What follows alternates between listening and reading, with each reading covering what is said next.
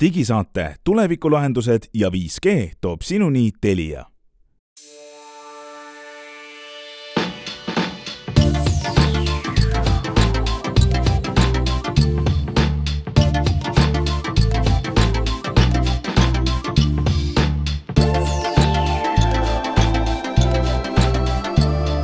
üheksas mai on käes, Nimeta digisaade, mille nimeks on Nimeta digisaade, alustab. Henrik Roonemaa, Ants Lõugas on äh, täna siin stuudios ja meiega liitunud Glen Pilvre. me räägime sellest, kuidas äh, Facebook pani Eesti rahva lemmiksõjakorrespondendi Igor Taro kinni me räägime sellest, kuidas Eestis on järjekordne uus regulatsioon kiire internetikaabli viimiseks maakodudeni ja maamajadeni. Äh, natukene saame rääkida Nintendo Switch'ist, võib-olla Facebook Marketplace'ist ja muudest teemadest ning äh, Glen on lubanud meile teha ülevaate, et kui keegi soovib endale osta elektritõukeratast, milline see olema peaks, mis on plussid-miinused, nii et selline saade on tulemas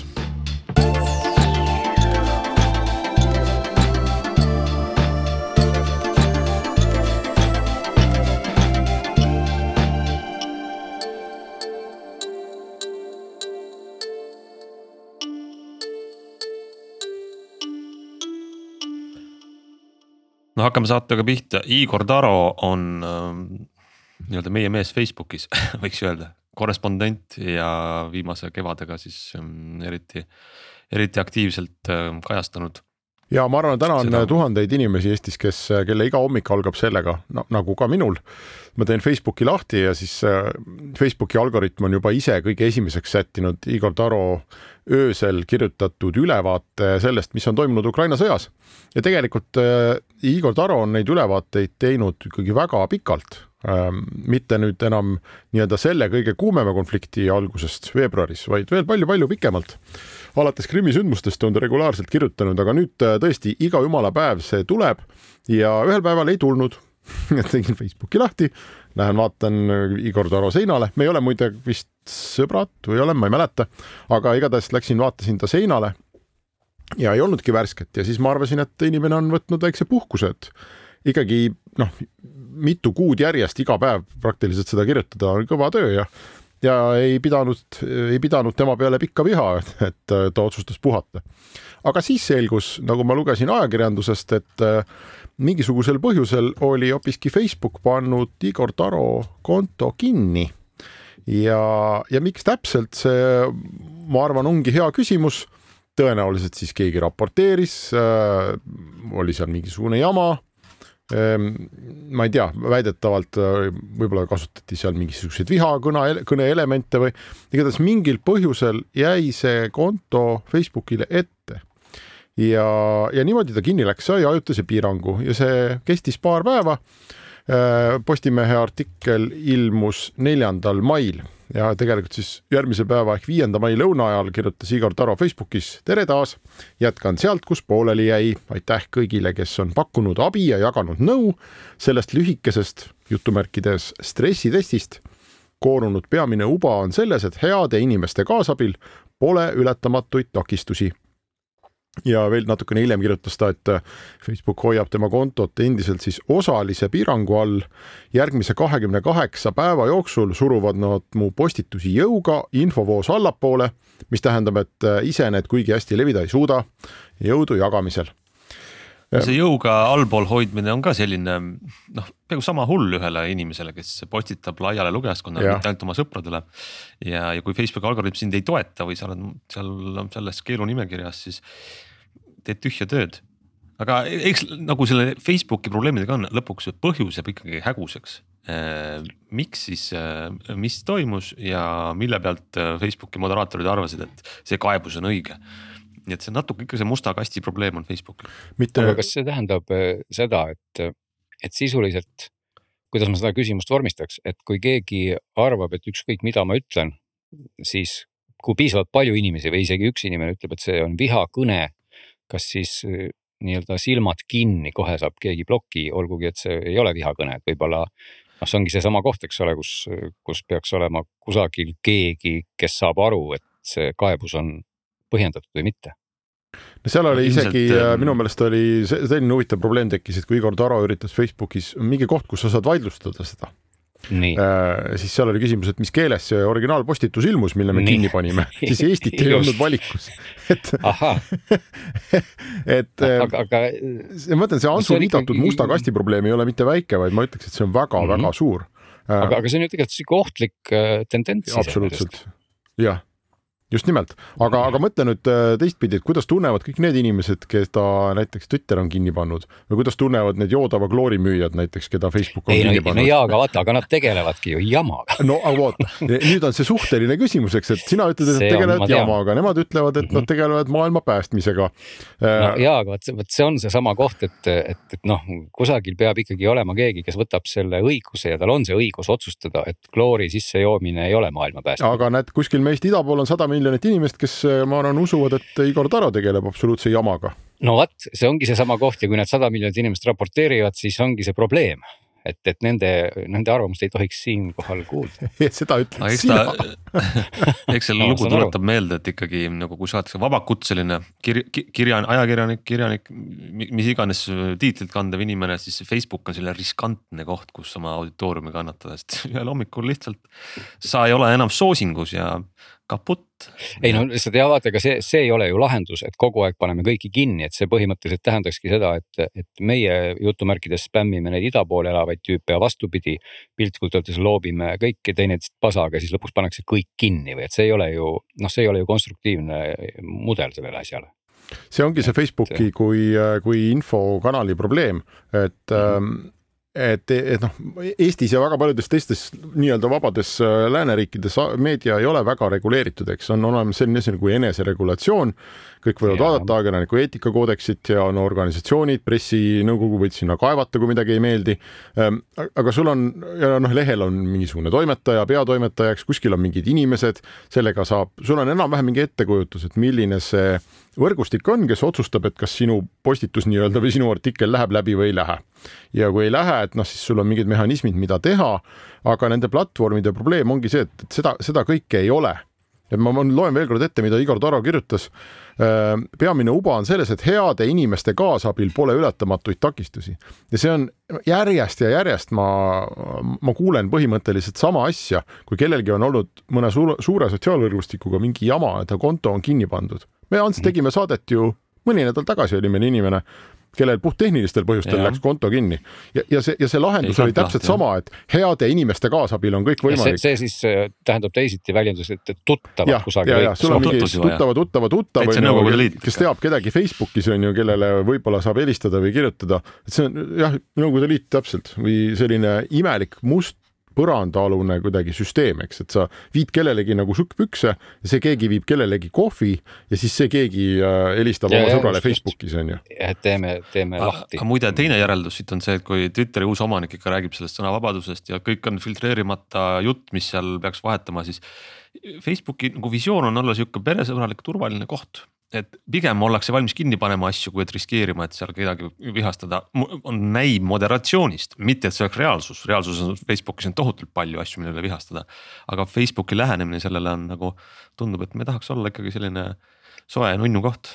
ei no jah, aga ega loomulikult siin ei ole, siin ei olegi tegelikult sellist lihtsat ja head lahendust ju ei ole, et keegi peaks justkui võtma selle otsustusrolli, aga kohe, kui keegi selle otsustusrolli võtab, tekib küsimus, kas see on õige otsustaja on ju et äh, tõepoolest, et kas kloori võib juua või, või ei või, võibki jääda vaidlema, aga, aga see tõestus peaks olema selle koha peal, et kui kümnest viis, kes joovad ära, surevad ja viis on elus, noh siis ilmselgelt ikkagi noh, ei olnud mõistlik juua, et, et, et. mul on ka tekkinud ikkagi väga tugev äh, kahtlus, kas sellised äh, suured sotsiaalvõrgustikud mm, on üldse võimalikud, et me noh, meil on no,, eks ole, Facebook, meil on mis meil on, meil on Instagram meil on äh, võib-olla mingi, mingis mõttes on TikTok on ju, kindlasti on see Twitter, aga ma mõtlen suured. mingis mõttes ka Youtube äkki. ja mingis mõttes ka Youtube jah ähm,, aga ma mõtlen just suured kuidagi selles mõttes, et nad äh, Nad nagu ei seisa millegi eest või, või sa ei saa aru, eks nad ongi sellised nagu tohutud turuplatsid, kus igaüks võib tulla ja karjuda midagi ja, ja niikaua, kui nad teevad seda noh, oma kuidagi gruppides või see, see on nagu üks asi, aga mingil hetkel need küsimused alati valguvad sealt välja ja siis see pagana algoritm ju näitab nende, neid postitusi inimestele, kes võib-olla ei taha üldse näha, keda see ärritab. ehk äh, meil on just nagu selline suur sotsiaalvõrgustik, kus kogu maailma inimesed on, peaksid elama koos rahus, see ei tule välja siis me paneme nad page idesse ja gruppidesse ja sõpruskondadesse. see võib-olla tuleks välja, aga sellega ei ole jälle need võrgustikud rahul, nad hakkavad neid page'e ja gruppe ja sõpruskondi kuidagi omavahel segama ja tutvustama ja, ja, ja isegi ässitama võib-olla mõnes mõttes. ja siis on jama lahti ähm, et see, ma just mõtlesin, kui see Elon Musk jälle Twitterit ostis, et, et täpselt samamoodi, kui meil oleks äh, hobusekasvatajate sotsiaalvõrgustik, noh, ju seal saab ka tülli minna, et kas pruunid või valged hobused on paremad. aga, aga see on kuidagi hallatav tüli võib-olla mõnes mõttes. Äh, kui me hakkame siin, toome terve maailma ühte kohta kokku, samamoodi nagu Igor Taro versus sada miljonit inimest piiri taga. See, seal, seal ei saa olla ju mingisugust normaalset lahendust peale selle, et me lihtsalt ei näita neid üksteisele. Nojah, ega see pikemas ja filosoofilisemas plaanis ongi seesama koht ikkagi, et, et kuniks kuniks inimestel on kellegagi kakelda, siis nad seda teevad, et kui meil täna ilmuks äh, orbiidile mingisugune suur äh, tulnukate laev, kes tahaks meid hakata kahurist laskma, siis ilmselt unustatakse võib-olla ära, et me tahaks hoopis teineteise, teineteisega kakelda, et siis oleks nagu meil selline suur ja ühine vaenlane ja kõik hakkaks hoopis teist rada minema, aga kuniks seda ei ole, siis me tegelikult unustame ära, et me oleme piltlikult nagu, kuidas me ütleme, sõidaks nagu bussiga Raplasse ja siis äh, selle asemel, et seal vaikselt istuda, selle asemel me muudkui kakleme seal bussis, nii et kuradi aknad lendavad ja veri lendab, eks ole, ja, ja lõpuks sõidab see buss kraavi ka, eks ole, et. et me võiks nagu aru saada, et, et maakera on samasugune buss, mille peal me ju tegelikult reisime kogu aeg et täiesti absurdne on ju siin lihtsalt, lihtsalt möllata ja teineteist tampida, eks ole, et, et. väga ülev, ülev üleskutse sult. no see on ülev üleskutse, aga see ongi seesama koht. kuniks tuleb see inglite koor. kuniks oli nagu, kuniks oleks nagu rahulik, siis me võiks ju mõeldagi selle peale, et küll, küll me räägime siin kliimamuutustest või millest iganes, eks ole. aga, aga sel hetkel, kui selgub, et, et keegi tahab sulle mingit aatompommi pähe kukutada, siis paraku ununeb kohe ära see, kas kliima soojeneb või jääkaru elab, eks ole, et. et see ongi see koht, et, et tegelikult noh, inimesed võivad olla üksikisikuna targad, aga sellise massina tundub, et nad ei ole üldse targad kahjuks. ja Hans juba tegelikult tuletas ju meelde sedasama, mida me oleme korduvalt kuulnud äh, ka Zuckerbergi enda suust, et kogu aeg see Facebook ongi, laveeribki selle vahel, et kas me oleme selline pere ja kassipiltide võrgustik või me mm -hmm. oleme noh, ma ei tea, ühiskonna ideede, väärtuste mingisugune turuplats või uudiste võrgustik. ja siis alati, kui neil mingi selline jama on, noh, Igor Toro pärast mitte, aga kui on selline globaalsem või suurem jama, mis ka Zuckerbergi kõrvu jõuab, siis ta tuleb välja ja ütleb, et, et vot me oleme nüüd otsustanud muutuda ikkagi kassipiltide piltide ja, ja, ja, ja perekonna võrgustikuks. noh, see on enam-vähem turvaline, eks, nagu selles mõttes, aga see on Instagram mõnes mõttes, et äh, et äh, ei ole Facebookil mõtet ju muutuda selleks, mis neil juba nagu teine toode on.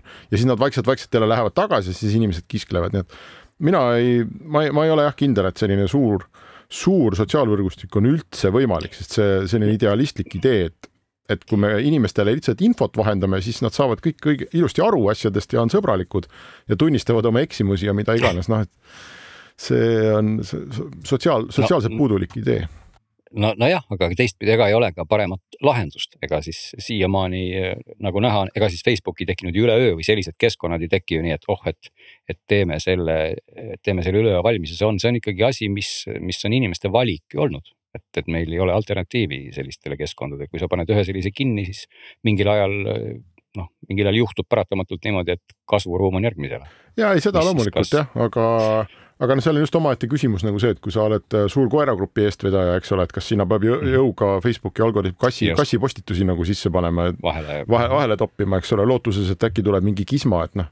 ja siis on like'id ja heidid ja mingisugused kommentaarid, et kõigil on jõle hästi, et kõik veedavad palju aega Facebookis ja Facebook müüb, müüb reklaami sinna vahele, et no seal peaks olema tehisintellekt või mingisugune selline asi, mis ikkagi, mida me usaldaksime, noh et, et kui me läheme lennuki peale ka, siis me ju ei vaidle, et turvaväravast läbi minnes tuleb meil võtta püksirihm ära, eks ole. no on ka selliseid inimesi, nii et arvesta, et. no, nojah, aga, aga et aga jah, aga, aga noh, ma nagu tahtsin selle näitega lihtsalt öeldagi, et, et kusagil on see koht, kus ikkagi tuleb jutumärkides aru saada, et, et kloori ei, ei ole hea juua. aga Keegi kas muide, kas te, te mäletate sellist äh, sotsiaalvõrgustikku nagu Mastodon?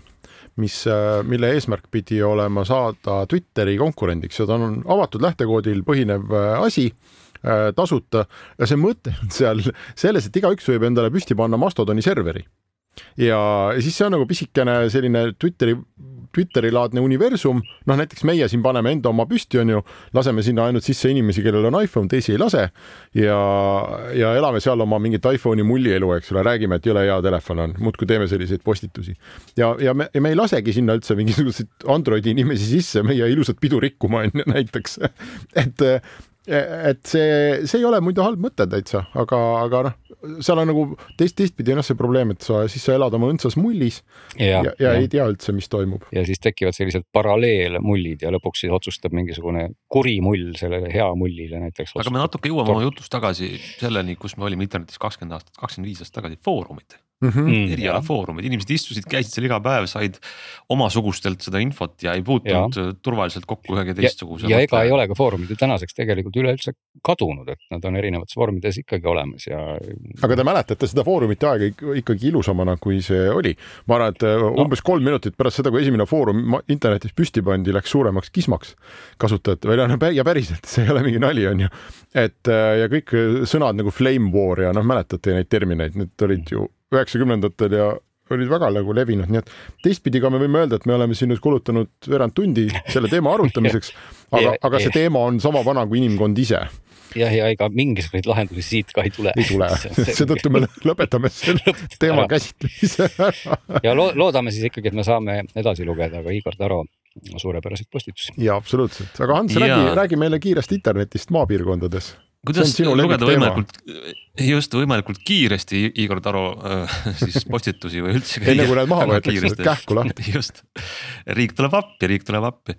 eks me jälle jõuame sinna juurde, kus Eesti on selline riik, kus kõigil ei ole ligipääsu võrdselt kiirele internetile ja järjekordne voor majandusministeeriumist anda riiklikku toetust, et saaks ühenduse need kohad, inimesed, need aadressid, äh, kes seda tahavad ja Mm, ja pole saanud. seekord on siis äh, potis kuuskümmend üheksa miljonit eurot ja siin on üks väga tähtis nüüd aspekt. Äh, Sutt ütles, et äh, see on siis Eesti ettevõtluse infotehnoloogia minister, et seekord pööratakse toetuse määramisel väga suurt tähelepanu meetmete võimalikult täpsele sihistamisele no,, oleme teinud aktiivset koostööd kohalike omavalitsustega. siit tuleb nüüd meelde see, mis on nüüd viimane voor on olnud, kus siin Elektrilevi seda raha kasutas ära ja ja käis paras jauramine selle üle, et, et Elektrilevi sai selle, sai selle toetusraha äh, ja ehitas need võrgud kohtadesse, kus nagu tegelikult liitujaid ei olnudki. see kriitika on natukene sihuke, see ei ole nii ühemõtteline, seal on, seal on mitu probleemi koos, aga igatahes. nüüd me oleme selle kuuekümne üheksa miljoniga tagasi seal, kus me olime võib-olla hmm, neli-viis aastat tagasi, ma ei tea, kas te mäletate, aga üks hetk hakkasid tekkima siuksed maakondlikud äh, kiire interneti sooviavalduste mingisugused lehed, mingi ja, Hiiumaa ja, ja Võrumaa ja. mille iva oli see, et tegelikult need kohalikud inimesed ise panid ennast aktiivselt kirja, et mina reaalselt tahangi, et palun ehitage siia mulle. see, see, see nagu, see ei kandnud vilja, seda Elektrilevi toetusega pandi suhteliselt noh, sinna, kuhu odavam ehitada, mitte kus need inimesed päriselt elasid. aga nüüd vähemalt siis ähm, riik lubab, et, et ma, kohalik omavalitsus peaks ju teadma, kus on need Äh, lastega pered, ettevõtjad, kes on seda reaalselt tahtnud. ja kuidas see siis toimuma hakkab ähm,? ma saan aru, et siin mitu kuud läheb, läheb veel aega, et see raha kasutus äh, ära kinnitada, aga kõiki inimesi, kes siis saaksid liituda sellega, peaksid saama mingi teavituse vähemalt kolm kuud enne, kui nende maakonnas ehitus algab. ja see kuuskümmend üheksa miljonit jagatakse niimoodi ära Eesti riigi peale, et, et vaadatakse, kus maakonnas on rohkem neid jutumärkides valge ala maju ehk kes, kelle, kuhu ei tule Telia ega Elisa ega, ega ükski teine operaator tooma. et ma ei tea, kui Hiiumaal on väga palju, siis Hiiumaa saab rohkem ja Võrumaa saab vähem. noh, see, see on vist kolmas või neljas kord, kui me sedasama probleemi me lahendame riigina, ei tea, kas nüüd tuleb välja, lootus nagu oleks, et, reaalsed inimesed on öelnud, et mina tahan. sisuliselt tähendab see siis ehitamist me räägime mitte kaablite kaevamist maa sisse äh,. vaat seda ei ole veel kindel, seda, see sideettevõte, kes selle raha siis saab, näiteks sinu maakodu aadressile, kus sa ütled, et ma tahan siia saada siis ta vist ise vaatab, mis see optimaalsem viis on, kas see tuuakse näiteks posti otsas fiiberoptika või maa seest fiiberoptika või. ja see ei ole nüüd ka see koht, et praegu keegi saab avaldada selleks soovi, vaid ma lihtsalt ootan ja vaatan, kas. et varsti su, su, su kohalik omavalitsus peaks ütlema, et kuule, see raha jõudis meile ka, et palun anna märku kuidas nad ikkagi lahendavad, Hans, seda seda probleemi, mis on ju ikkagi selgelt tõe, tõene, et äh, odavam ongi nii-öelda kobarasse ehitada või no odavam on ja. seda internetti viia majadesse, mis on suht kobaras koos. mitte niimoodi, et üks on siin külakeses tahab üks inimene, no kaks inimest, üks on küla ühes otsas, teine teises otsas ja siis järgmised inimesed seal maakonnas on hoopis mingi kolmekümne kilomeetri kaugusel on üks, üks mees metsa sees, kes tahab noh, et see läheb väga nagu käest ära, et selles mõttes see Elektrilevi lähenemine jah, oli probleemne, aga fakt on see, et kui sa kogud kobaras kokku inimesed, siis on kordades-kordades odavam ehitada ega me ei teagi, kuidas nad lahendavad ja seda ei paista ka siit praegu sellest uuest rahapotist, kuuekümne üheksast miljonist on nüüd lubatud, et. ühe aadressi kohta, ühe maja kohta, kes siis pere kuskil elab maal, kuhu muud ühendused ei tule. on toetust saab maksimaalselt kolm tuhat eurot. pere ise tohib maksta kõige rohkem või siis elanik kakssada eurot. nüüd tuleb kui sa elad, see konkreetne maja näiteks on siis ikka kuskil väga keset metsa, noh siis ma kardan, et ükski sideettevõte seda vahepealset osa ei kata, et, et riik annab kolm tuhat, aga reaalselt läheks see kümme tuhat, et sinna viia see kaabel, et. ma kardan, et siin on ikka pettunud inimesi veel pärast, pärast seda aastat. aga, aga võib-olla, võib-olla siin on mingi jätkupõhine selline, et, et esimeses etapis tehakse need ja siis tehakse järgmised ja ja tegelikult ju ei ole, me teame kõik ju, et ei ole ju head lahendust, et see on kallis, et fiiber igasse metsamajja viia. isegi kui seal elab, ma ei tea, inimesed, kes väga vajavad seda, siis see lihtsalt võluväel odav ei ole. ma arvan, et see lõpp, see, see lõpeb kõik tegelikult sellega, et mingi, et me nüüd proovime seda, eks ole, mingil järjekordsel põhjusel see ei tööta. et ma arvan, et see lõpeb sellega, et mingil hetkel lihtsalt viib riik selle enamuse metsamajadeni lihtsalt ise ära, eks see on nagu maantee, noh, et lihtsalt viime selle tee ja ongi kõik, et me ei hakka tegema mingit küsitlust, et kes sooviks kruusateed kuhu kohta me oleme kas... seda soovitust andnud ka viis aastat. ja just nimelt, noh, et, et võib-olla meil oleks see juba aeg. nagu tehtud, kui me oleks äh, pihta hakanud ja, ja, ja, ja läbi mõelnud, et see mingi lõpmatu projektide kirjutamine ja avalduste kogumine ja siis pärast selgub, et äh, kümme inimest tahtis liituda, aga näe, nüüd ainult kolm tahab ja nendest kolmest ka üks mõtleb alles ja võib-olla ei tule, noh, et see ja see ei lahenda ka seda, et kui meie näiteks äh, ma ei tea, ma otsustan, et ma kolin Tallinnast ära, hakkan maamaja otsima. noh, ma mitte kuidagi mul ei ole kasu sellest, et kunagi käis sealt see riigi toetusvoor üle, eelmine omanik elas sees, ütles, et äh, ei. ei huvita. ei huvita, onju. ja, ja ikkagi see minu meelest see on nagu heal juhul veerand lahendust, mida välja pakutakse, et äkki saaks selle ikkagi, on kallis see normaalselt ära teha, aga siis on normaalselt tehtud ja me ei pea sellest rohkem rääkima. nii on, äh, aga vaatame edasi mm Nintendo Switch'il on tulnud midagi väga huvitavat välja või? kuule, see tuli ammu juba, aga ma lihtsalt, mina ostsin selle, see on uudis ja suurem tähendus on uudisel see, et ma sain teada, et selline geniaalne asi on olemas.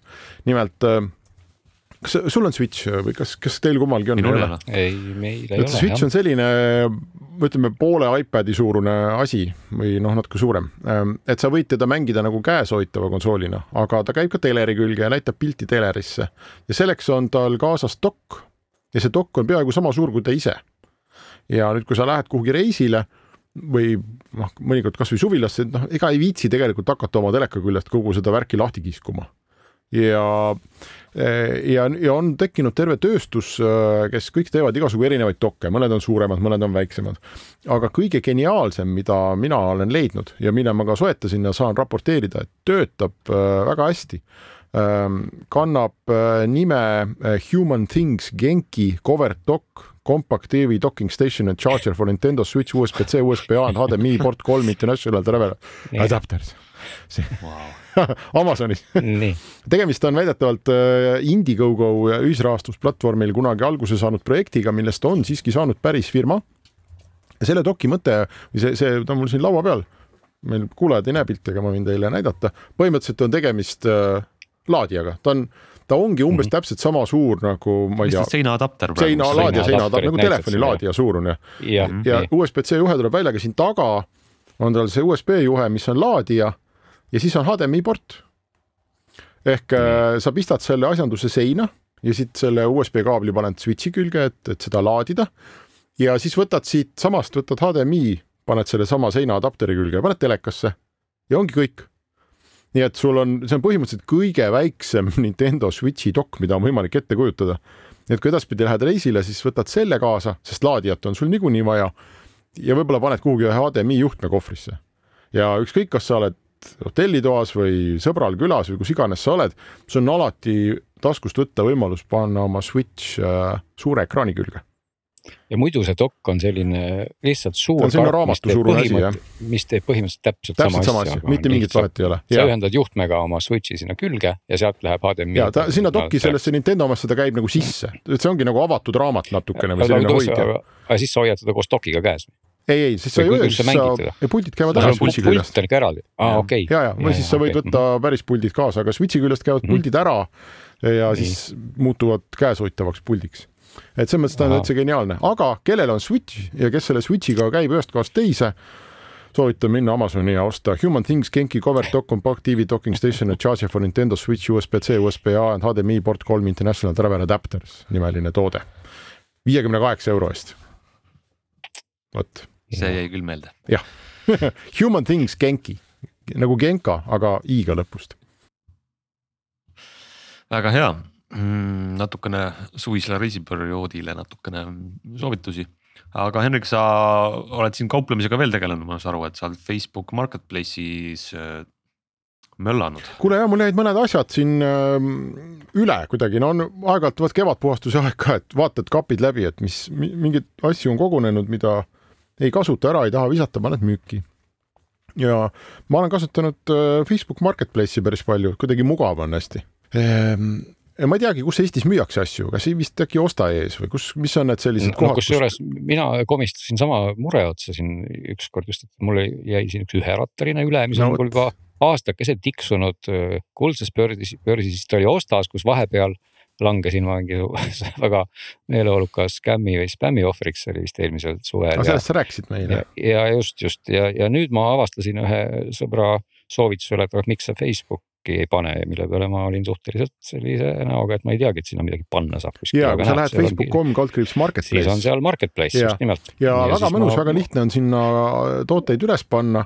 sa pead ja liituma ka, just, ja sa pead liituma, ütleme, hea mõte oleks liituda ka mingite suurte müügigruppidega et on sellised mitmekümne tuhande inimese grupid, umbes mingi ostan, müün, vahetan kõike ja mingid mhm. sellised, et saadad oma ja siis unfollow'id jumala eest, et sa muidu, sa muud ei näegi oma uudistevoos. Mm, aga on ka spetsiifilisemad, noh näiteks seal, ma ei tea, tennisemängijatel on oma grupp ja, ja mingitel rulameestel on oma grupp ja, ja nii edasi.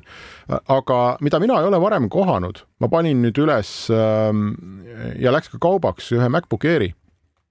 ja nii kui ma olin selle üles pannud, hakkasin ma saama äh, Facebook Messengeri eestikeelseid äh, vestlusi, siis kus inimesed pakuvad odavamat hinda kuskil, no ma ei mäleta, a la mina küsisin seitsesada viiskümmend, pakuti viissada ja midagi sellist, et nagu tunduvalt odavamat hinda. ja, ja, ja küsitakse, et ma ei ole Eestis, kas sa oleksid nõus sellega välismaale saatma? Ja täitsa kenas eesti keeles ja, ja kui sa hakkad uurima, et aga kes need inimesed on, sest nende nimed on noh, absoluutselt mitte eestipärased, eks, et ei ole Muide, inimene, kes on kolinud Londonisse. mulle meenus praegu, et ma sain tegelikult sa, mitte päris sellise teate, aga umbes samasuguse mingi väga kummalises sõnastuses kuskil Poola nimelt. ja no vot, minul olid äh, pigem sellised araabiapärased nimed. Okei okay,, ja, ja, ja ma isegi ei mäleta, mis see sisu oli, sisu oli umbes selline, et keegi küsis, mis on selle hind, olgugi et see hind oli seal listitud. Jah et, et, et see oli ja, ja ma ei, üldse ei viitsinudki midagi teha, ma tõstsin selle põhimõtteliselt kohe prügikasti, selle vestluse, aga nagu näha juba käibki seal mingi õngitsemine. ja, ja see oli äh, täitsa hea, hea, et ma ühega, ma ei osanud, see oli nii ootamatu, sest nad pöördusid mm -hmm. ilusas eesti keeles. ja ma vastasin eesti keeles ja siis me chat isime seal ühega ja küsisin, kus sa oled ja, ja siis ma sain aru, et aga see on nagu midagi natuke kahtlast ja siis ma rohkem ei vastanud talle, siis ta veel tükk aega väga pahaselt kirjutas mulle, et kus sa oled kas sa oled seal kas me teeme siis tehingu või ei tee? Mm, ja, ja ega ma ei tea, mul on teooria, et, et need asjad liiguvad läbi Google Translate'i tõenäoliselt, sest ma ei usu, et Amir Londoni eeslinnast oleks tegelenud eesti keele õppimisega. ja neid, ja neid oli kohe lausa neli-viis tükki, võib-olla oli selline estofiilide seltskond seal, ma ei tea. aga, aga see oli jõle tüütu, ma pean ütlema. ja mul ei olnud ka mingit head viisi sellest, sellest spämmist nagu lahti saada. Aga kas sa, kas ma praegu selle taustal muidu otsisin ülesse kohe oma selle üherattalise asja, mis mulle sinna pandi ja mina sain sellise postituse kelleltki Poolas elavalt Evalt, tere, reklaamiartikkel on endiselt saadaval, tahaks siis hinda teada ahah, see oli sul natukene, Google Translate jah. natuke kehva eesti keel, mul olid palju paremad. Äh, minul olid nad väga heas eesti keeles. aga samas see profiil, kellelt see saadetud on, tundus nagu täiesti usutav, see oli mingisugune Poola koduperenaine, kes on seal pannud üles pilte oma kitsedest ja lastest ja kõik on nagu usutav. seal on kaks seletust, et üks ebatõenäolisem on see, et on tehtud vaeva nähtud nende võltskontodega, aga tõenäolisem seletus on see, et kellegi parool on, on jalutama läinud või on see päris inimese konto üle võetud aga minul oli just see mõte või ma ei saanud ka päris täpselt aru, et äh, kui ma nüüd oleksin jah öelnud, et äh, kas äh, näiteks härra Vainex või härra Akuns või härra Tsion, J-H-O-N, kas nad oleksid hea meelega ära ostnud minu MacBooki ja kandnud raha üle ja lihtsalt lootsid, et saavad odavalt kätte või oli seal nagu tegemist mm. mingi päris pettusega ikkagi no,? Et... ma ikkagi kardun selle viimase poole ikkagi. aga mis see, see pettus on, ega ma ilma raha, võib-olla nad oleks öelnud, et saada ära, siis ma maksan või? või ja siis. mul, mulle tuli see pakkumine muide ka põhimõtteliselt tundide pärast peale ülespanekut mm, -hmm. et seda nagu see noh, kas seda teeb mingi bot või tõesti keegi seda nii-öelda kammib läbi neid, ma ei usu seda, et seda mingi inimene teeb, ma, ma ei kujuta ette, mina arvan, et seal taga on ikkagi ka mingisugune teatav algoritm sest minu teooria oli see, et ma võib-olla eh, oleksin isegi küsinud ettemaksu ja selle kauba ja. ära saatnud ja, ja võib-olla ta oleks hakanud siis jaurama, et pole saanud kätte või ekraan oli Just. katki või no mingit ja siis, siis vaidle mingisuguse akunsiga kusagilt, eks. ja no muidugi mul tekkis kohe nagu minu esimene kaotus on okei okay,, saame nüüd MacBooki, mis on ikkagi sihuke inimestele mõeldud toode ja, ja millega on võimalik ka midagi teha, aga, aga kui ma panen müüki kakskümmend viis kilo kaaluva üherattalise ja mulle kirjutab Poolast Eeva et kas reklaamiartikkel on saadaval, no see, see on ju ikkagi noh, siin on nagu reaalsusega näha, see on nagu erakordselt vähe pistmist ja ei tea, me võime nüüd siis teha üleskutse, et kui keegi on lähemalt uurinud seda või, või lähemalt, lähemalt suhelnud Akunsi või Winexiga ja mingit tehingut lausa teinud, et siis võiks meile öelda, võib-olla ma lihtsalt võiks teen Akuntsile ja Winexile praegu väga liiga. ja mina Eevale. ja sina Eevale, nad tõesti tahtsid Eestist endale MacBooki üherattalist osta, ma natuke kahtlen selles just, et see, see on, see on väga hea üleskutse, sest mina täiesti ignoreerisin seda ja unustasin selle juba ära, aga, aga nagu näha, on see ju, tegelikult on see ju probleem, sest et, et keegi, kes on võib-olla selle vestluse lõpuni, lõpuni arendanud, ongi kuidagipidi millestki ilma jäänud. ja nii, mis meil veel on teemade failis äh, rääkida? kas on, meil oli see parooli asi, Hans, eks ole, mis juhtus äh, eelmisel nädalal? no nüüd jah, Apple, Google ja Microsoft, kõik kolm põhivaala, kelle juures meil kontod on kellega me internetis käime, ütlesid, et äh, nad on nüüd, panevad kõik seljad kokku ja teevad oma kontod ühilduvaks selle uue süsteemiga, kuidas sisuliselt ei peaks paroole enam kasutama, et paroolide ajastu lõpp võiks olla nagu silmapiil, silmapiiril.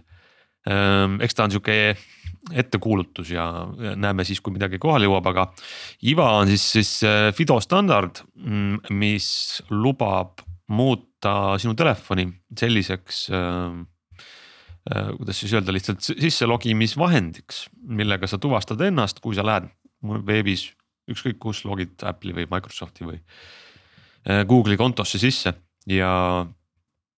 ja, ja mis, mis on ju praegu ka võimalik olnud, meil on olemas ühekordsed koodid ja igasugused muud asjad, aga siis see Fido äh, standardiga ühilduv ähm, äpp, mis on eraldi seadmes, on selline, et sa ei pea seda automaatselt uuendama Äh, näiteks kui sul telefon kaob ära, sa ei pea kõiki neid kontosid kuidagi taastama või varundama, sa tõmbad endale lihtsalt pilvest alla ühe korra selle võtme, mis on sinu oma ja see töötab kohe uute, uute, uues seadmes ka.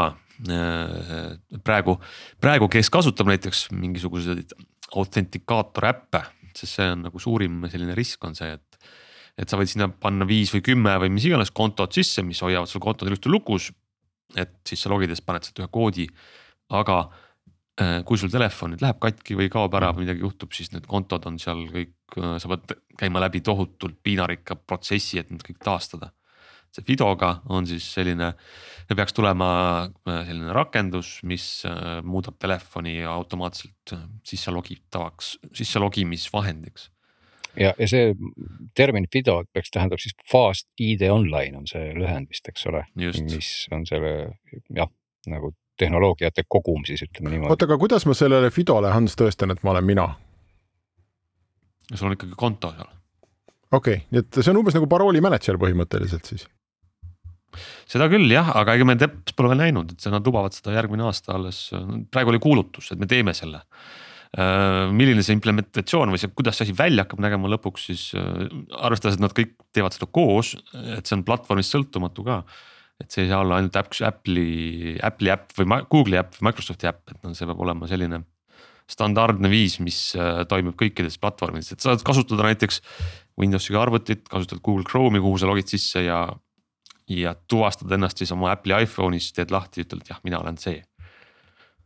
Ja ma hakkasin praegu äh, peas laskma läbi äh, kogu seda õudust, mis on seotud nende Microsofti ja, ja, ja Apple'i kontodega, no eriti minu lemmik on ikkagi Microsoft siin, kellel on vahepeal oli minu meelest iga aasta tuli neil mingi uus, uue nimega teenus välja, kus siis ma ei tea, konto säilis ja kanti üle ja ühe, üheldati ja mul puudub igasugune ettekujutus, milline minu Microsofti konto on, mis seal oli, eks ole, hotmail.com, live.com, windowslive.com, siis oli mingil hetkel nad ostsid ju Skype'i ära, siis hakati neid Skype'i kontosid kuidagi sinna ühildama.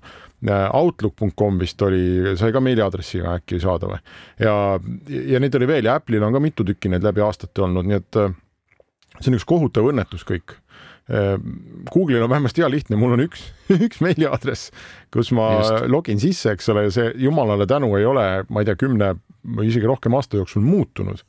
aga, aga kui mõtle, kui avaneb, kui see, et nad teevad oma Fido ära ja siis ma lõpuks saan ka aru, millised, mul on Microsofti juures neli meiliaadressi, kuhu on igast asju saadetud see oleks täitsa huvitav näha rääkimata sellest, et tõenäoliselt mu mingid aastate jooksul ostetud Windowsi litsentsid on seotud mõne minu loginiga, millest mul tegelikult pole enam aimugi, et millises Microsofti kontos see asi parasjagu istub, nii et uh, aga ärme, see on nii masendav kõik on. jah. Maci mees naerab seal ei no ega tegelikult no see, see probleem on ju noh, see on tegelikult nii lai probleem üldse, et, et kus sa oled kasutanud, mis kontosid, mis nimesid Microsoftist rääkides. on minul personaalselt on vist Hotmail selleks aadressiks, ma jäin just mõtlema, et huvitav, et millega ma Skype'i logisin, eks ole, sest et kui need teenused on omavahel kokku pandud ja ja, ja siis alati tekib, alati tekib see mure või see, et, et mis või kus sul kusagil on, et ilmselt sama palju on vist. või mitte sama palju, aga kindlasti on Eestis ka veel inimesi, kes kasutavad vist hot.ee-d kuskil.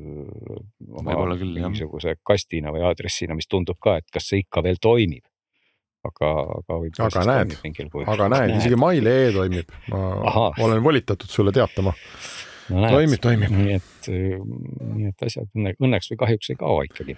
Lähme siis Glenni teema juurde, meil on saate lõpuni parasjagu aega, et äh, rääkida tõuksidest ja ma eeldan, Glen, et me räägime elektritõuksidest, mitte lihtsalt tõuksidest. nojah, võib-olla ma... oleks õige ikkagi nagu sellist äh, rahva tervise huvides hakata rääkimagi lihtsalt tõuksidest. mina võin rääkida, mulle väga meeldivad no näed, et aga paraku ikkagi neil on aku jah, mootor on ka ja me ei räägi mitte nendest, mida sa saad tänavalt laenutada, sest neid sa väga kuulsusrikkal kombel vihkad ega tegelikult üleüldse võib tekkida küsimus, miks ma nendest tõuksidest kogu aeg sõidan nendega, aga ma vaatasin, et viimati me, mina sõitsin nendega kaks aastat tagasi ja, ja me just mõtlesime, et huvitav, et kas, kas on siis selle kahe aastaga midagi, midagi nagu huvitavat ka juhtunud ja, ja noh, nii ja naa ja selle, selles valguses siis äh, sai need ikkagi ette võetud, sest äh, noh, mina ütleks küll kõikidele inimestele, et ostke omale üks ratas nii et ärge müüge seda Poola Evale, vaid sõitke sellega ise. ja see on palju parem kui igasugune tõuks, aga sellegipoolest inimesed ostavad ikkagi elektritõukse ka ja, ja sestap siis, siis nende inimeste peale mõeldes ma siis sõitsin natukene, et aru saada, miks neid siis ostetakse ja. no räägi. no vot ma ei, ma isegi ei oska öelda, kus ma peaks nagu alustama rääkimist, võib-olla peaks alustama sellest, et ega loomulikult nende aastatega ei ole toimunud mingisugust noh, no ta on ikka elektritõuks on ikka nagu ta on, aga, aga võib-olla mis nagu, kui sa kaksteist ratast, ei kaksteist ma ei pannud, ma valetan, tegelikult oli ainult kaheksa. aga kui sa paned need kaheksa ratast kõrvuti, mis siis jätsime sealt nagu välja need kõige-kõige võimsamad, et tegelikult äh, läheb see tõukside rida ju üsna hullumeelsesse äh, nagu võimsus ja hinnaklassi, et sul on võimalik osta umbes viie tuhande euro eest ju täna elektritõuks. mille ainuke seos sellega, noh, ma ei teagi, kuidas seda üldse seostada mingi tõuksiga, sest tegelikult on ta nagu pooleks äh, saetud ATV, eks ole, kus on mingid kilovattidesse ulatuvad mootorid, et, et sellised rattad me jätsime nagu välja. aga, aga sellises noh, madalamas segmendis võib-olla jah, saabki neid nagu jagada niimoodi, et, et kui sa nüüd tahaksid sõita natukene võib-olla kaugemale, kiiremini ja, ja siis kas sinu eelistus on siis kompaktsus, on sinu eelistus siis just need võimsuslikud näitajad, on sinu eelistus disain.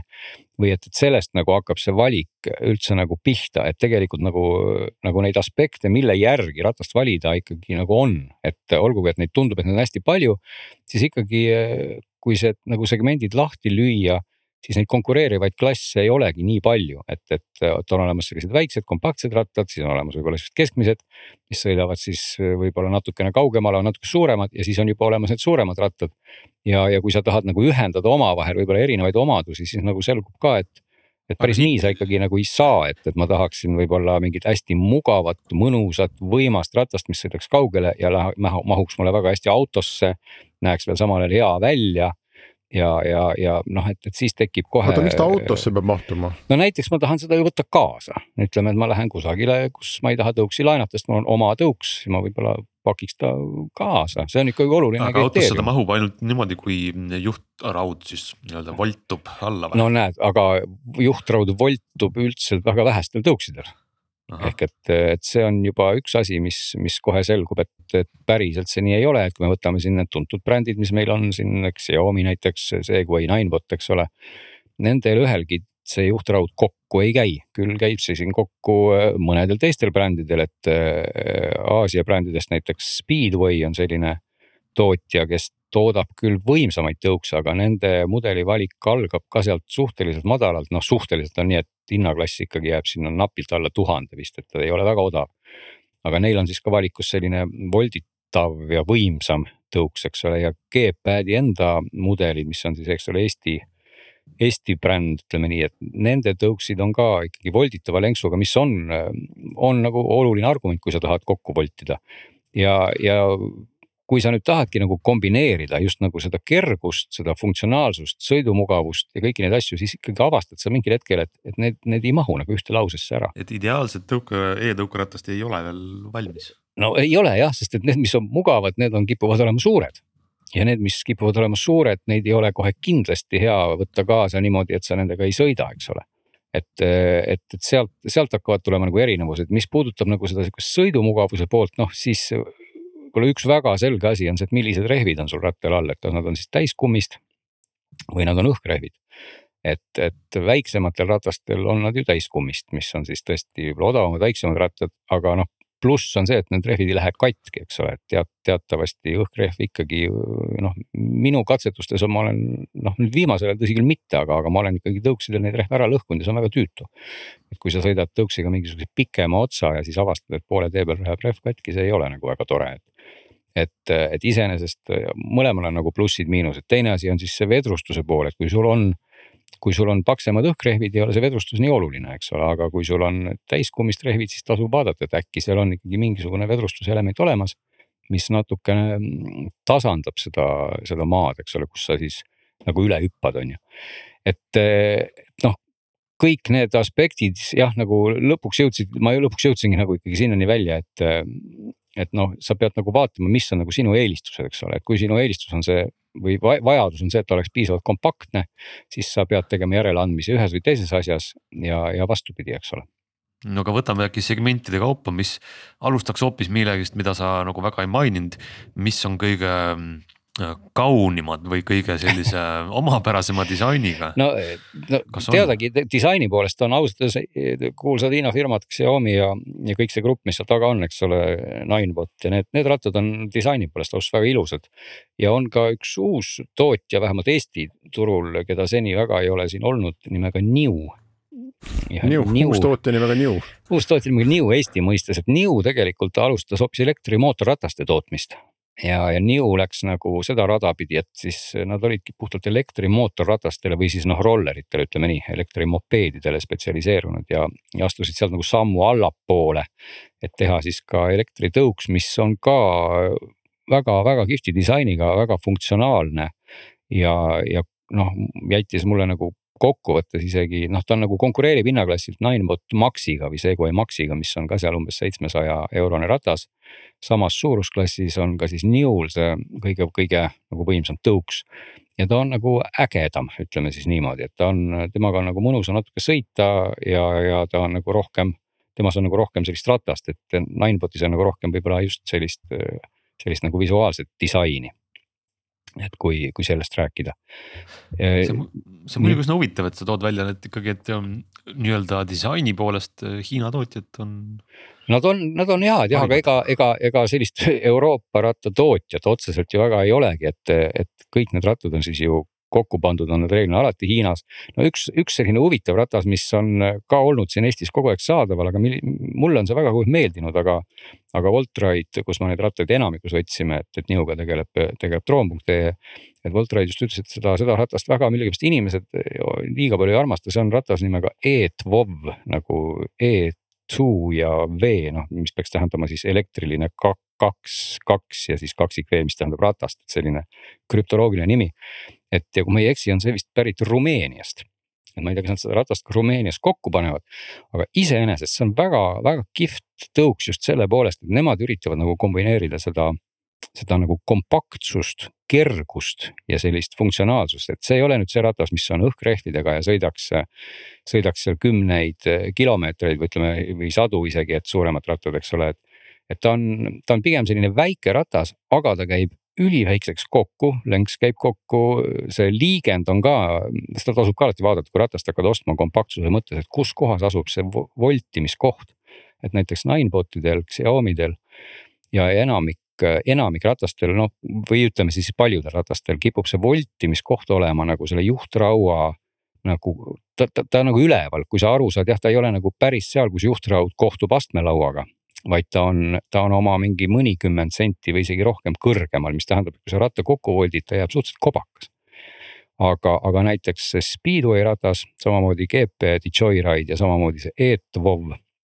Need, nemad voltuvad siis kokku niimoodi, et see voltimiskoht on astmelaua ja juhtraua nagu liitumiskohas, mis teeb, teeb nad palju-palju kompaktsemaks, kui see ratta kokku kokku väänad nii-öelda ja see ETVOV iseenesest on saadaval ka mitmes konfiguratsioonis, et seal on lihtsalt aku suuruses enamasti vahe, mis siis mõjutab tegelikult natuke kiirust, imevähe kaalu.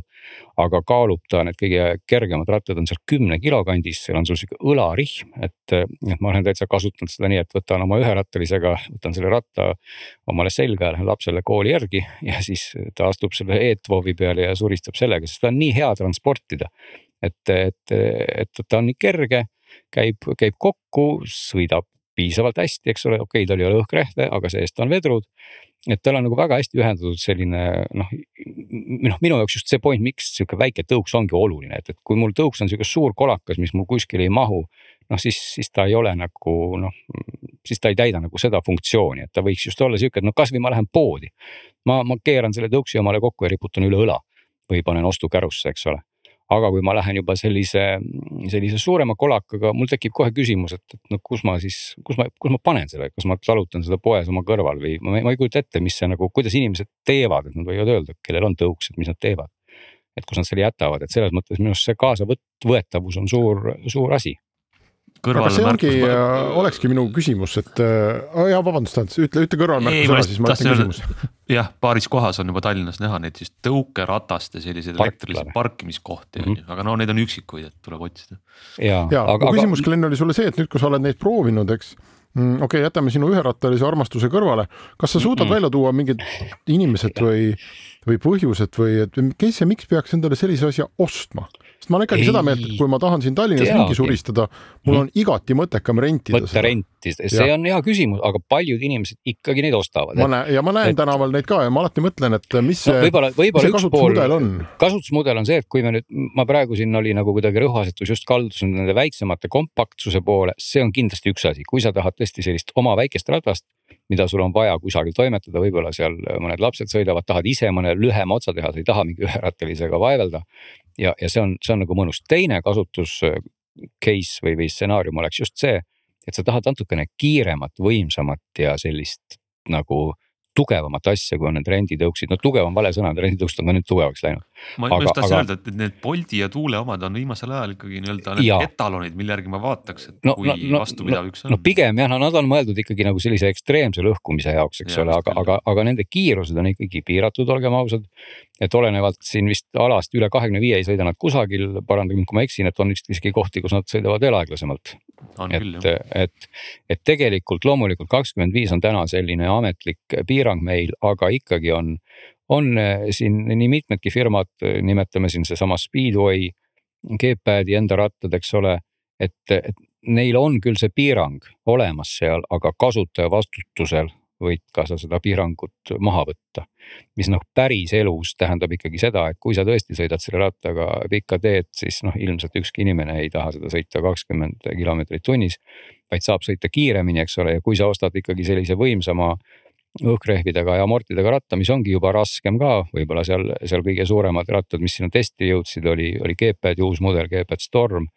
mis tegelikult kaalub seal juba paarikümne kilo ringis, eks ole, ja, ja noh, mille tippkiirus ikkagi ulatub äh, ikkagi tunduvalt kõrgemale kui kakskümmend viis kilomeetrit tunnis. aga loomulikult see on selline kasutaja enda, enda vastutus, eks ole, et noh, nagu me teame, et me autoga ka ei, ei tohi sõita linnas tegelikult kiiremini kui viiskümmend, see ei tähenda, et meil autod ei, ei sõidaks kiiremini kui viiskümmend. et see on nagu see koht, et kui ma ise ostaks täna omale tõuksi, siis, siis võib-olla ma valiks ikkagi sellise, et, et, et, et ma, ma nagu vaatan, kas ma tahan tõesti noh, mis see minu kasutusstsenaarium on, kas ma tahan teda autosse pakkida või ma tahan temaga kiiremini sõita või võib-olla olen ma ka selline no ekstreemsportlane, kellele tõesti meeldib kuskil eh, metsarajal või, või üldse raja kõrval metsas lihtsalt võtta selline kaheveoline tõuks, eh, nagu see G-Pad Stormi mudelid on ka, kus siis mõlemad jooksud veavad ja kus on jõudu hullu pööra ja, ja ma panengi võib-olla omale eh, Krossi, Krossi kaitsmed ümber ja, ja lähengi tõuse vallutama sellega, mis on ka ausalt öeldes väga-väga äge no, sportlik tegevus. see on juba hobi, no tegelikult Austraalias ma just, täna just vaatasin videot, Austraalias toimub kaardiradadel sihuke nende mm -hmm. kõige kiiremate masinate võistlused. aga mul sinu juttu kuulates meenus, et, et see on ikkagi inimesele, kes tegelikult kasutab seda kogu aeg, et sa ei lähe otsima tänavalt tõuksi, vaid sa kasutad kogu aeg. ja ma rääkisin naljakal kombel paar päeva tagasi ühe sõbraga, kes sai märguande Boltilt, et ta kuulub ühe protsendi kõige aktiivsemate tõuksi kasutajate sekka ja, ja siis ma praegu sinu juttu kuulates mõtlen, et tema on ju sihuke inimene, et tegelikult ta võiks ju sõita enda omaga, kui ta iga päev sellega sõidab kaks korda võiks. tööle ja tagasi, ehk siis ähm,. no võib-olla ongi see seesama koht ka, et kui neid renditõukse on lihtsalt nii palju, siis need võtavad sul ära mõnes mõttes selle probleemi, et et enda oma eest sa pead justkui nagu hoolitsema, sa pead teda ju kaasa võtma. hoolduslaadimine, hoiustamine. just, et, et kui sul on see rendikas ja kui see tõesti on sinu jaoks nii nagu igav ja ilmetu transpordivahend, siis seda rendirattaga sõita on ju tegelikult lihtne, et kui sa ostad nagu oma ratta, jah, sul peab olema mingi väike personaalne suhe selle rattaga. aga ma just äh,, äh ma käin mitu korda nädalas, sõidan äh, Rocca al Maresse, siit Kalamajast Rocca al Maresse äh, sinna spordihalli ja tagasi, eks. ja ja kui talvel ja noh, niimoodi lörtsiga, siis on, valid bussi ja auto vahel, eks ole, kuna Tallinna linnavalitsus on ehitanud suured maanteed sinnapoole, siis autoga on väga hea sõita, oled kümne minutiga kohal. bussiga läheb tunduvalt kauem aega siis äh, kella viie paiku, kui trenn lõpeb, tagasi tulla või ei, kuue paiku isegi, siis on äh, päris mõnus ummikuaeg ja see ristmik, kus, kus nüüd on see Telia uus peakontor ja loomaaed ja kuidas seal kõik on, see on ikkagi päris korralik seismine seal. ja siis ma vaatan neid laiu kõnniteid ja seal läheb isegi jalgrattatee ja mõtlen, et ma tõenäoliselt väga hea meelega, kui mul oleks selline võimas tõuks, käiksin sellega, sest ma, ma saaksin ilmselt kiiremini ja ma vihkan niisama autos passimist kuskil ristmikul, see on õudne tegevus. ei no muidugi, ega see ongi seesama noh, ütleme, see on laias laastus, mida sa kirjeldad, ongi ju see stsenaarium, kuidas kõik äh, normaalsed inimesed jõuavadki selleni, et ei ole mõtet istuda autos ummikus. ja, ja, ja noh, lihtsalt miks mina kogu aeg jauran oma üherattalistest, ongi see, et, et ma, oli ka aeg, kus mulle õudselt meeldis tõuksid lihtsalt, aga paratamatult ma olen nagu kuidagi leidnud, et et need teised liikurid on selleks veel sobivamad, veel mugavamad, veel kiiremad, eks ole, et. et, et see tõuks ongi natuke sihuke poolele teele jäämine, et selles mõttes ma, ma nagu tahakski öelda inimestele, et kui te juba ostate omale tõuksi, siis jumala eest proovige, äkki teile hoopis meeldib veel mingi muu liikur veel rohkem, mis on, ongi veel ägedam, et selles, selles mõttes ma isegi loodaks, et äkki me enam aasta, kahe või kolme pärast ei pea enam võrdlemagi neid tõukse üldse, et aga, aga noh seni nad on olemas, neid tehakse ja ikkagi, ikkagi paljud, paljud neid ka ostavad aga mina ei, ma küll usun tõuksidesse, sest see üherattaline on suhteliselt hirmus asi et no, näed, kui sa õpid, ma saan aru, sa saad selle nõksu kätte, siis sa võid seal peal raamatut lugeda või, või telefoni scroll ida no, ja, ja, ja sõita tegelikult... üle puujuurte, on ju ongi, see on tegelikult seesama koht, et me oleme täna, elame maailmas, kus meie oskame enamasti kõik jalgrattaga sõita mm. -hmm. aga, aga noh, siin äh, mõni aeg tagasi sain ma, sain tuttavaks ühe Jaapanist pärit inimesega, kes ei oska sõita jalgrattaga ja, ja ta ei oskagi sõita jalgrattaga, sest ta ei olegi sõitnud kunagi jalgrattaga, ta ei julgegi sõita jalgrattaga ja ta proovib sellega sõita ja ta kukubki sellega pikali ja, ja see tundub tema jaoks täiesti ületamatu äh, asi, mida teha. meie lihtsalt oskame sõita jalgrattaga, me oskame sõita tõuksiga, sest me oleme lapsena seda teinud. kui meie lapsed oskaks sõita üherattalisega ja nad kasvavad suureks, siis nad noh, nad suhtuvad selle hoopis teistmoodi. siis oleks maailm üherattalisi täis. jah. Ja, oleks küll jah, millega, millega saab väga mugavalt ja, ja väga-väga hästi edasi, et muidugi siin see teine küsimus on alati see kuidas ma ütlen, see nagu seadus ja kiiruse probleem, et eks me, me oleme kogu aeg siin Eestis eriti selles olukorras, et meil ei ole normaalseid teid, et meil tegelikult ei ole kohta, kus me, me autoteel nagu ei tohi sõita, kõnniteel me ei tohi kiiresti sõita ja, ja, ja me oleme nagu ikka hädas, et kui ma ostan täna isegi selle võimsa tõuksi, no ma ju ei lähe sellega tegelikult otseselt autode vahele sõitma, et alati tekib see küsimus, et kus ma siis sellega, eks ole, sõidan, et, et, et, et ei juhtuks midagi, midagi halba, eks. Aga et... ma äh, tahtsin su eelmise üleskutse peale öelda, et ma, ma ikkagi kahtlustan, et see vana Eesti vanasõna kehtib, et ähm, vanale koerale uusi trikke ei õpeta, et sa saad seda juttu öelda nendele, kes hakkavad õppima jalgrattaga no, sõitmist ja siis no, õpivad äkki ka üherattaga. no ma ei tea, mina meie, nagu. meie no, jaoks on nagu, rong läinud juba. ei no ei ole, sest vaata, vaata kui vana koer mina olen tegelikult, et ma, ma selle ma selle üherattalisega, millal ma avastasin selle kaheksa aastat tagasi või seitse aastat tagasi, et et, et need on läinudki täna lihtsalt niivõrd praktiliseks ja niivõrd kiireks, et, et noh, ma, siin testiks sõitsingi nende tõuksidega ja päriselt ma ei, ma ei saanud ühegi tõuksiga päriselt näiteks poodi minna või tegelikult ma jõudsin üsna ruttu selleni, et, et mul ei ole seda päriselt millekski kasutada, et, et kui ma võtan oma üherattalise, siis ma saan sellega minna igale poole, mul ei ole seda probleemi, kus ma ta jätan või kui ruttu ma kohale saan. tõesti tõuks, mis mulle väga meeldis ja mida ma veel välja tooks, oligi see pisike eetvoov, sest minu kasutusstsenaarium oligi see, et mulle meeldis visata see üle õla ja võtta näiteks lapse jaoks kaasa, kes, kes veel ei taha üherattalisega sõita, et ta oli nagu nii, nii hea, väike, mugav, aga need suuremad tõuksid, seal tekibki see koht, et noh, ma, ma ei näe hästi seda kohta, et kus see mahuks personaalselt siis nagu minu ellu, inimesed on kõik erinevad, et kui, kui kellegi ellu mahub see suur äh, pehmete rehvidega võimas tõuks. ja nagu Hendrik ütles, ta tahaks sellega sõita sealt äh, suhteliselt laia ja ilusat teed mööda kiiresti ühest kohast teise, on see tegelikult väga okei lahendus, et sa, sa võtadki selle näiteks seesama GP Joyride, mis, kui ma õigesti mäletan, maksab seal mingisugune kas nelja, viiesaja euro kandis, sõidab väga kiiresti, on pehmete rehvidega, ei ole ka ülemäära raske üldse. ja, ja, ja noh, täidab selle eesmärgi tegelikult väga-väga hästi ära et, et selles mõttes ma ei, ma ei saa kuidagi halvustada seda, seda, kui on selleks koht ja, ja, ja võimalus olemas, siis on ta väga-väga okei okay., aga ta ei ole okei okay selleks, et. et ma ta üle õla viskan kuskilt kaasa võtan, sest ta on ikkagi nagu noh, nagu, nagu suurem natuke, kobakam, eks vaat selline, selline. selline kokkuvõte. selline suhteliselt laialivalguv kokkuvõte, et, et kui sellest nüüd midagi, midagi nagu asjalikku õnnestus välja noppida, on väga tore, aga ega, ega ta suures plaanis jah, nagu äh, võib kokku võtta niimoodi, et kui sa ikkagi vähe sõidad, siis ilmselt see renditõuks ajab sinu jaoks asja väga hästi ära, aga kui sa tahad ise sõita, siis tasub pigem noh, kui sa lähed ka poodi tõuksi valima, siis ma ütleks, et, et et vaata üle, kuidas on pidurid lahendatud, et mis rattad seal näiteks pidurdavad, sa tead, et mis, mis eeblit sa vajutad ja mis sinu rattaga juhtub näiteks proovi üle ka see, et kui, kui kvaliteetne on see ehituskvaliteet, et võta lenksust kinni, vajuta nagu pidurit põhja ja logista igatpidi, eks ole, et seal on kohe näha erinevused, kas mõni on sealt kuskilt annab järgi. midagi krigiseb, midagi koliseb, kuskil on mingi lõtk, eks ole, et need, kui juba, juba poes on selline olemas, selline tunne, et seal midagi lõt-, lõtkub või, või annab järgi, siis ilmselgelt kasutuse käigus muutub see kohe-kohe hullemaks, et, et tasub nagu sellised aspektid järgi vaadata ja siuksed mugavuse ütleme kasutuse aspektid nagu laadimispistiku pesa, kate näiteks, et kas seda on mugav lahti võtta või, või on see üks nagu väga tüütu nikerdamine mingi kummiklapiga, et kus see asub, eks ole. kuidas tuled valgustavad pimedas, et no ütleme, see list nendest asjadest, mis ma nagu selle võrdluse põhjal ka lõpuks kirja panin.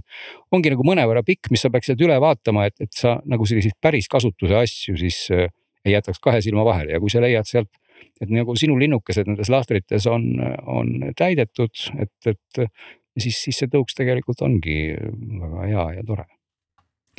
ja me jätame selle kõik meelde, mis sa rääkisid.